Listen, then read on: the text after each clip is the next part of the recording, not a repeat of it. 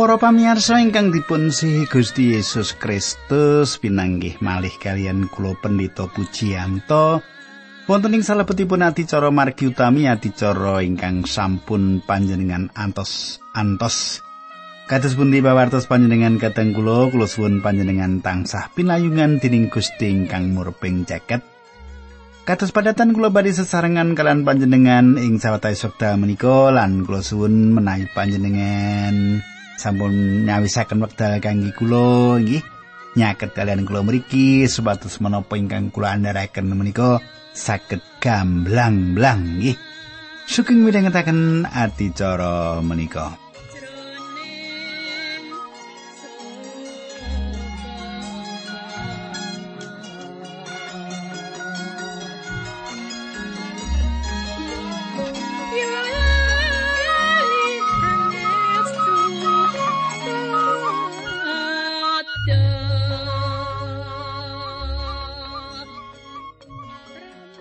Para pamirsa menapa panjenengan tasih kemutan menapa ingkang kula aturaken duk nalika pepanggihan kita kepengker menika nggih.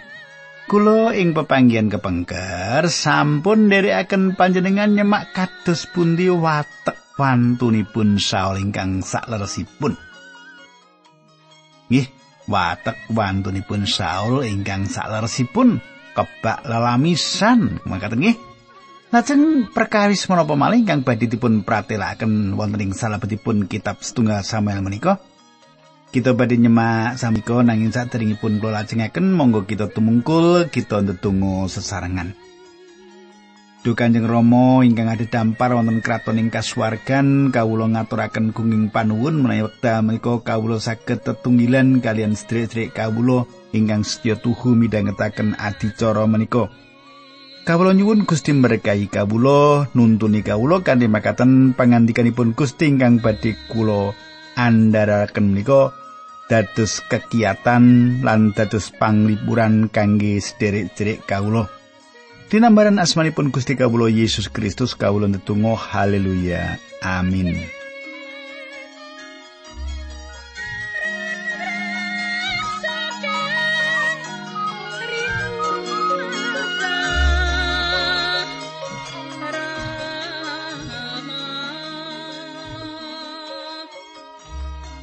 Para pamirsa samenika pasinaon kita sampun lumebet ing setunggal Samuel bab kang 11. Pasinaon kita sampun lumebet ing setunggal Samuel bab kang 11. Kula badhe maosaken ayat setunggal kalilan 3 ing basa pedinan.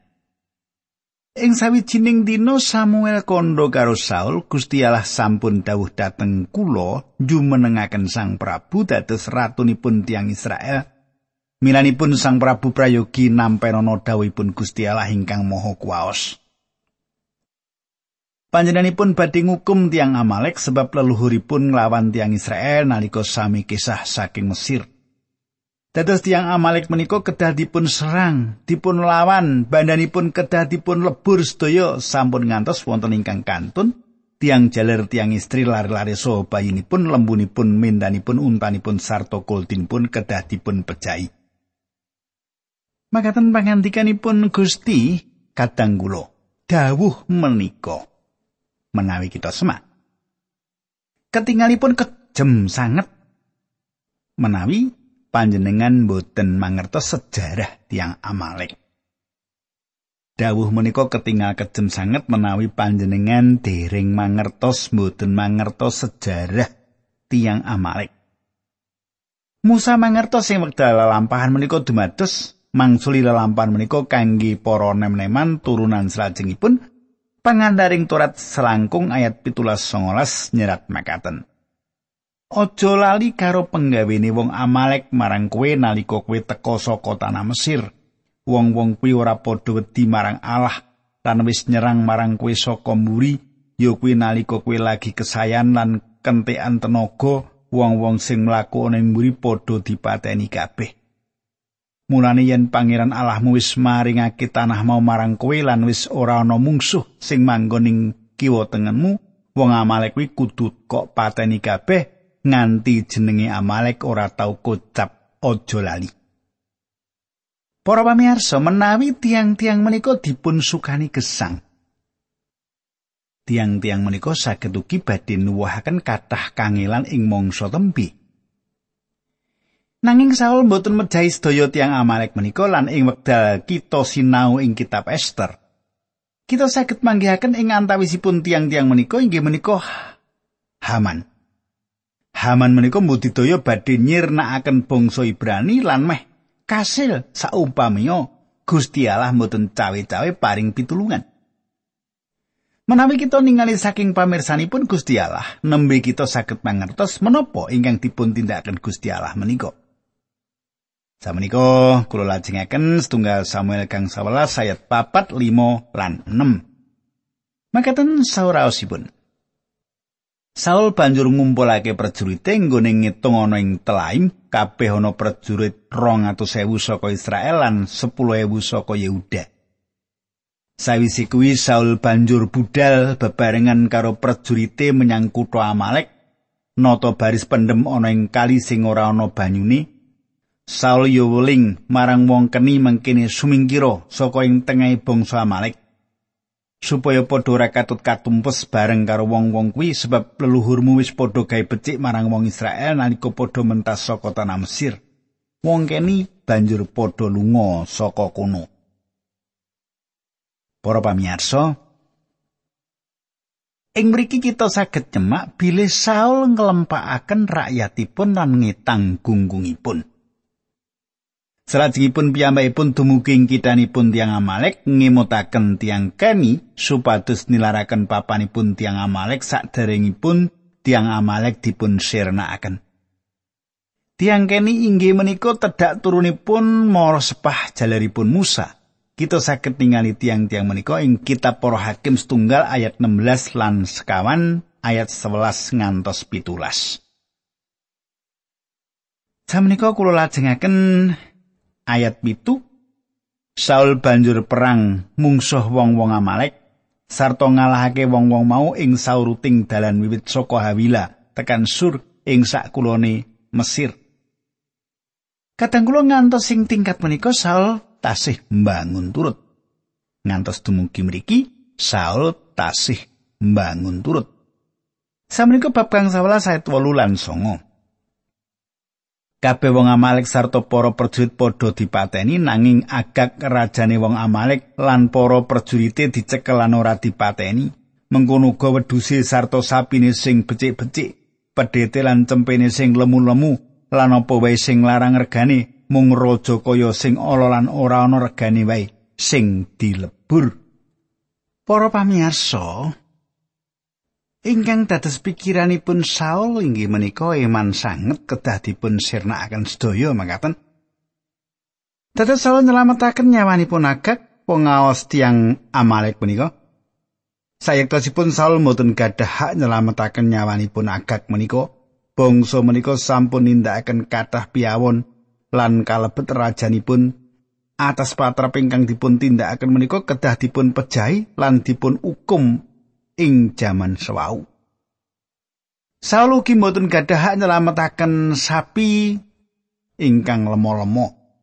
Saking menapa ingkang dipun tindakaken menika ketingalipun Saul nyerang bangsa Amalek menika supados pikantuk jarahan kamangka Gusti Allah mboten ngeparengaken.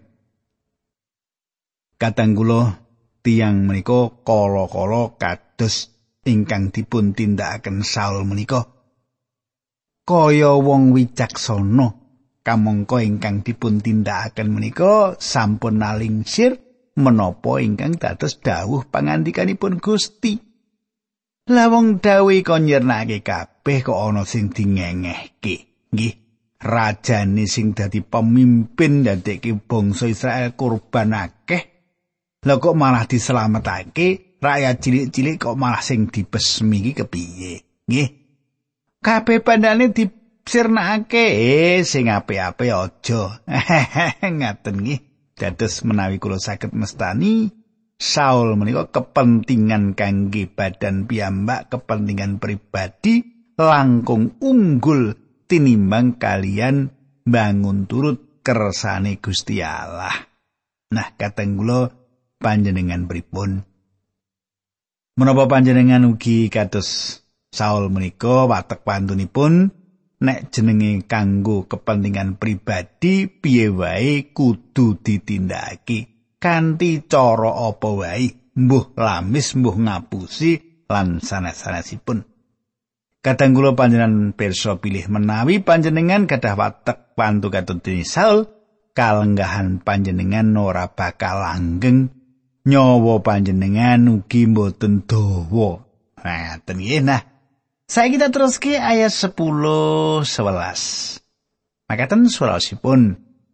Gusti Allah banjur ngendika marang Samuel, aku keduwung dene milih Saul dadi raja sebab dheweke wis ngemoyi aku lan ora nindakake dawuhku. Samuel nepsu sewengi mupet nggone nyebut marang Gusti Allah. Para pamirsa. Mboten namung rakyat ingkang milih Saul nanging Nabi Samuel ugi milih Saul menika. Samuel tresnani Saul. Samuel gadah kekajengan Saul badi dados raja ingkang sae. Nanging samenika Gusti Allah sampun nampik Saul lan Samuel ingkang mboten bangun turut dumateng Gusti Allah kedah nindakaken dawuhipun Gusti Allah. Saul mboten bangun turut lan paukuman badhe nempuh piyambakipun. Ayat rolas lan telulas. Esuke isu-isu banget. Samuel wis mangkat arep nemoni Saul. Samuel dikabari yen Saul wis lunga menyang kutha Karmel sarta ngedekake watu pangiling-eling kanggo awake dhewe ana kono, banjur terus menyang Gilgal. Bareng Samuel ketemu Saul banjur dibagekake dening Saul mengkene mugi-mugi Gusti Allah berkahi sampeyan kula sampun nindakaken dawuhipun Allah. Kadang kula Saul sanjang menawi piyambakipun sampun bangun turut nanging panjenengan gatosaken jawaban langsung saking Samuel. Ayat kawan lan gang sawelas. Nanging Samuel kondo menawi makaten menapa sebabipun dene tasih wonten swantenipun lembu mengok sarta mindo mbek-mbek wangsulane Saul. Kewan-kewan menika rampasan saking tiang Amalek. Mindo sarta lembunipun ingkang sae piyambak sampun dipun pendet dening para umat dipun saosaken minangka korban kagem Allahipun. Nanging sanesipun sampun kula lebur. Para pamirsa, panjenengan pirengaken menapa ingkang dados sanjangipun Saul Piyambakipun ginakaken sawetawis alesan lan omongan ingkang dura kangge nutupi patrapipun. Ingkang dipun sanjangaken inggih menika kanthi cara alasan ingkang mursid nyelametaken sawetawis kewan. Piyambakipun gadah kekajengan misungsungaken kewan ingkang paling sae minangka korban obaran dumateng Gusti. Patra ingkang kados makaten menika satunggalipun cara kangge nutupi anggenipun boten bangun turut inggih menika kanthi reka-reka dados tiang mursid. Panjenengan saged manggihaken jinis lelamisan ingkang sami ing salebetipun budaya jaman kita menika. Ing wekdal anggenipun boten bangun turut kawiyak. Panjenengan gatosaken bilih Saul budidaya nglepataken rakyat atas menapa ingkang dumados. Piyambakipun sanjang rakyat mendet mindo lan sapi ingkang paling sae minangka jarahan. Dipun pratilaken bilih ingkang nindakaken sedaya menika Saul lan rakyat. Saul menika raja lan piyambakipun ingkang kedahipun gadah tanggal jawab.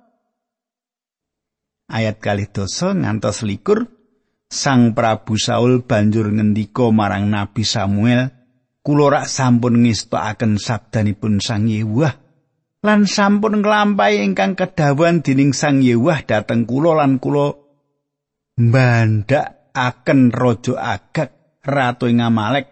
Nanging tiang Amalek sampun kula tumpes sadoyo nanging rakyat sami mendeti jaran ingkang rupi mindo punapa dene lembu-lembu ingkang petingan ingkang dipun pisah saking ingkang pancen badhe kapejan badhe kakorbanaken sumaos dhateng Sang Yewah Gusti Allah panjenengan wonten ing Gilgal Para pamirsa Saul sanjang bilih piyambakipun menika mbangun turut sabdanipun Gusti. Panjenengan gatosaken piyambak ipun boten sanjang Gusti kula. utawi Gusti kula sami nanging Gusti Allah panjenengan. Piyambakipun boten purun tanggal jawab sinaosa namung sekedhik babagan anggenipun mendhet kewan-kewan menika. Nanging sejatosipun kedah piyambakipun ingkang kedah dipun lepataken wong ratune kok gitu. Ratune kudu disalahke sing mimpin nari kok rakyatku gitu. Sing kon dadi banten rakyate terus sing mangan warek ora iki kepiye gitu. Ayat 13 nganti 13. Pangucape Samuel ingkang dados keparengi Allah menika mbangun turut menapa pisungsung lan kurban. Bangun turut dateng Allah langkung sae tinimbang saus kurban. Mituhu langkung sae tinimbang gajih minto. Sebab bangkang dateng Gusti Allah menika awonipun sami kalian nyihir. Gumedhe menika awonipun sami kalian nyembah brahala. Mergi panjenengan sampun nyingkur dawuhipun Allah. Gusti Allah inggih sampun nyingkur panjenengan. Para pamirsa ayat menika meratelaken kados bundi Gusti Allah nampik dumateng Saul minangka raja awit saking pambelanipun lan anggenipun boten bangun turut dumateng Gusti Allah.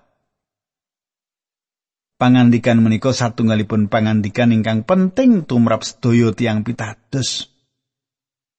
Wonten kathah nyanyian ingkang gampil ingkang ungelipun Gusti Yesus menika mitra kula. Nanging kita kedah ngatos-atos ngginakaken cara cecaketan ingkang kados makatan dumateng Gusti Yesus. Ing wekdal panjenengan sanjang bilih Gusti Yesus menika mitra panjenengan, menapa ingkang panjenengan kajengaken? Sayektosipun panjenengan sawak budidaya ngandhapaken kalenggahan panjenenganipun sami kalian panjenengan. Menawi kula sanjang presiden Indonesia menika mitra kula, kula badhe ngandhapaken kalenggahan presiden sami kalian derajat kula. Nanging saumpami presiden ngumumaken bilih pendeta Pujianto inggih menika mitranipun, menapa ingkang dipun tindakaken presiden menika nginggahaken kalenggahan kula sami kalian kalenggahanipun. Ing wekdal kita ngrembak Gusti Yesus mirengaken mitra kula, patrap ingkang kados mekaten menika mboten alandesan kitab suci.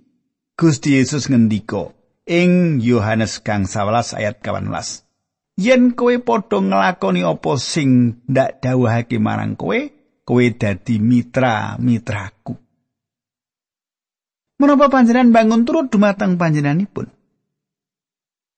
Kita kekendelen menawi kita nyebat panjenenganipun menika mitra kita kamangka kita mboten bangun turut dumateng panjenenganipun mboten bangun turut dumateng Gusti Allah langkung awon tinimbang nindakaken sihir Patra pinggang ngatus makaten sakit kasebat satunggalipun pambalelo dumateng Gusti Allah.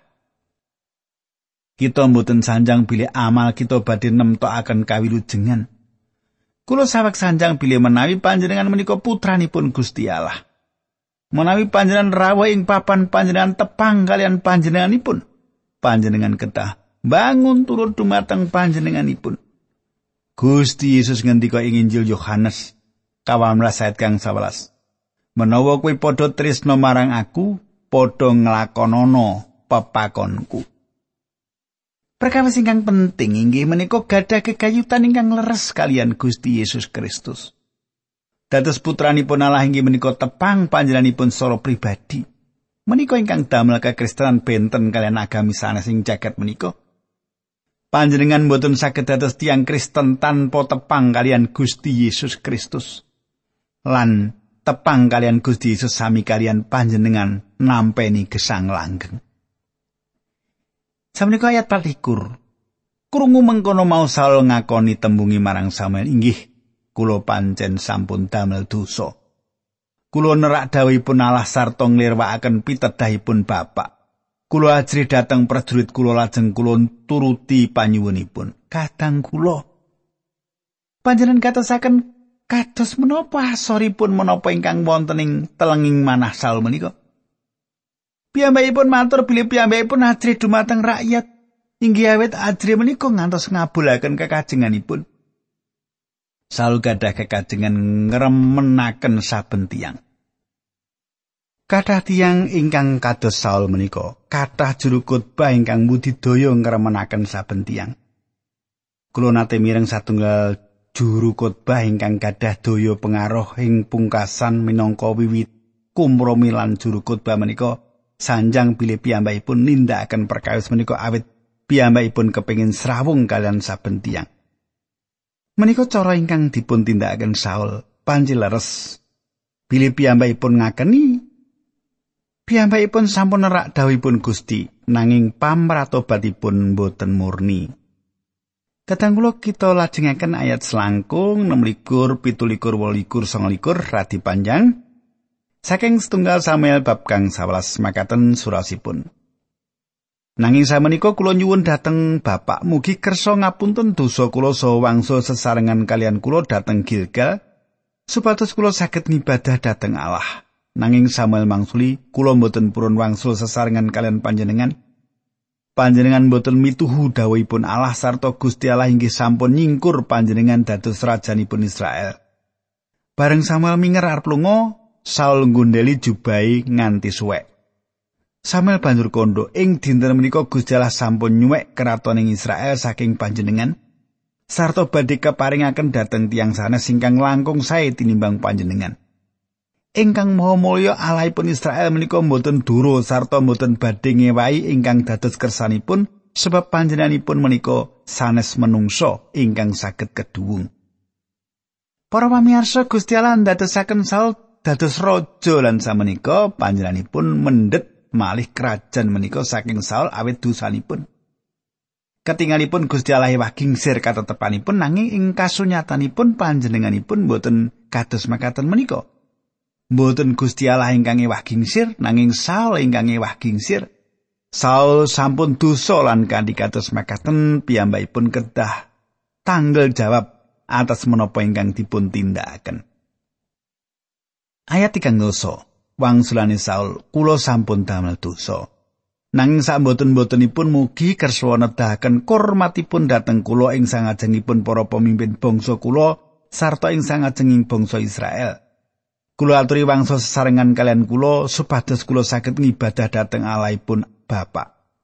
Para pamirsa, kula mboten pitados pilih pamratobatipun sal menika saestu estu murni. Cobi panjenengan persani kados pundi piyambakipun budidaya nutupi dosanipun. Saul gadah kekajengan bertobat nanging boten purun bayar paukumanipun atas anggenipun boten bangun turut. Piyambakipun tetep lamis ngantos ing pungkasanipun. Kula lajengaken ayat tigang dosa kalih ngantos tigang dosa tiga. Samuel banjur perintah Raja Agag gawanan mrene. Agag banjur sowan kanthi mengarep-arep sebab dheweke mikir bebaya pati wis kliwat. Pangucape Samuel, pedangmu wis ndadekake para ibu kelangan anake, mengkono uga ibumu bakal kelangan anake. Samuel banjur nugel-nugel Agag ing sangarepe mesbah ing Gilgal. Kadang kula agak ndatengi Samuel kanthi manah ingkang gembira sebab piyambakipun mangertos piyambakipun wonten ing salebetipun kangelan lan Samuel mejahi agak menika. Gusti Allah kita inggih menika Gusti Allah ingkang ngukum lan piyambakipun badhe ngadili ingkang awon lan ingkang boten sae. Kula menawit Gusti Allah badhe paring paukuman. Kula boten mangertos pamanggih panjenengan nanging kula matur nuwun dumateng Gusti Allah pilih mboten wonten satunggal tiang ingkang uwal saking piawon ing wekdal samenika. Gusti Allah badhe ngadili tiang-tiang menika. Mboten wonten tiang satunggal kemawon ingkang badhe uwal saking tuntutan paukuman dosa. Lan kita kedah sanjang kanthi sanget cetha ing wekdal samenika. Dados Samuel nindakaken paukumanipun Gusti Allah atas raja ingkang awon lan kejem menika sinten malih menawi mboten agak. Samenika kula lajengaken ayat 3 dosa sekawan ngantos 3 dosa gangsal. Sawise kuwi Samuel lunga menyang Rama, dene Raja Saul mulih menyang omahe ing Gibea, nganti tumeka ing patine Samuel ora ketemu meneh nanging Samuel susah atine sebab Gusti Allah keduwung anggone ngangkat Saul dadi raja Israel. Para pamirsa yang medha kitab suci ngendika bilih Gusti Allah keduwung, menika ateges bilih panjenenganipun ketingalipun kados ngribah menapa ingkang dados penggalihipun. Gusti Allah tansah ngendika bilih menawi Saul mboten nindakaken ingkang sae, panjenenganipun badhe ngentos Saul menika. Saul dawahing dosa Dados Gusti Allah ngandhapaken kalenggahanipun raja menika. Gusti Allah sengit dumateng dosa lan badhe ngukum dosa menika. Saul inggih menika pilihan rakyat lan piyambakipun sampun gagal. Nanging Samuel nangisi Saul. Kulo gadah pemanggih pilih langkung tresnani Saul tinimbang kalian Daud. Piyambakipun sangat ningali Saul nglampahi kegagalan lan dipun singkiraken. Inggih menika sebabipun tembung-tembungipun dumateng Saul saestu keras lan kasar. Tembung menika asalipun saking tiang ingkang saestu tresnani. Tembungipun Samuel ugi asalipun saking manahipun Allah. Katresnanipun Allah mboten badhe nyingkiraken anggenipun ngukum tiang dosa. Panjenenganipun saged tresnani tiang-tiang menika nanging tetep badhe ngukum. Gusti Allah menika suci yaktos adil lan kebak katresnan. Kadang kula kula pungkasi semanten rumiyin perangan menika kita badhe nyemak ayat-ayat salajengipun ing pepanggihan kita ingkang badhe dumugi. Kita badhe ndedonga sesarengan. Duh Gusti Allah ingkang Maha Asih kawula ngaturaken kuing panuwun menawi kayektosan sampun kabikak lumantar adicara menika kawula nyuwun supados menapa ingkang abdi paduka andharaken menika dados kegiatan panglipuran sedherek-sedherek kawula menika. Dinambaran asmanipun Gusti kawula Yesus Kristus kawula ndedonga. Haleluya. Amin.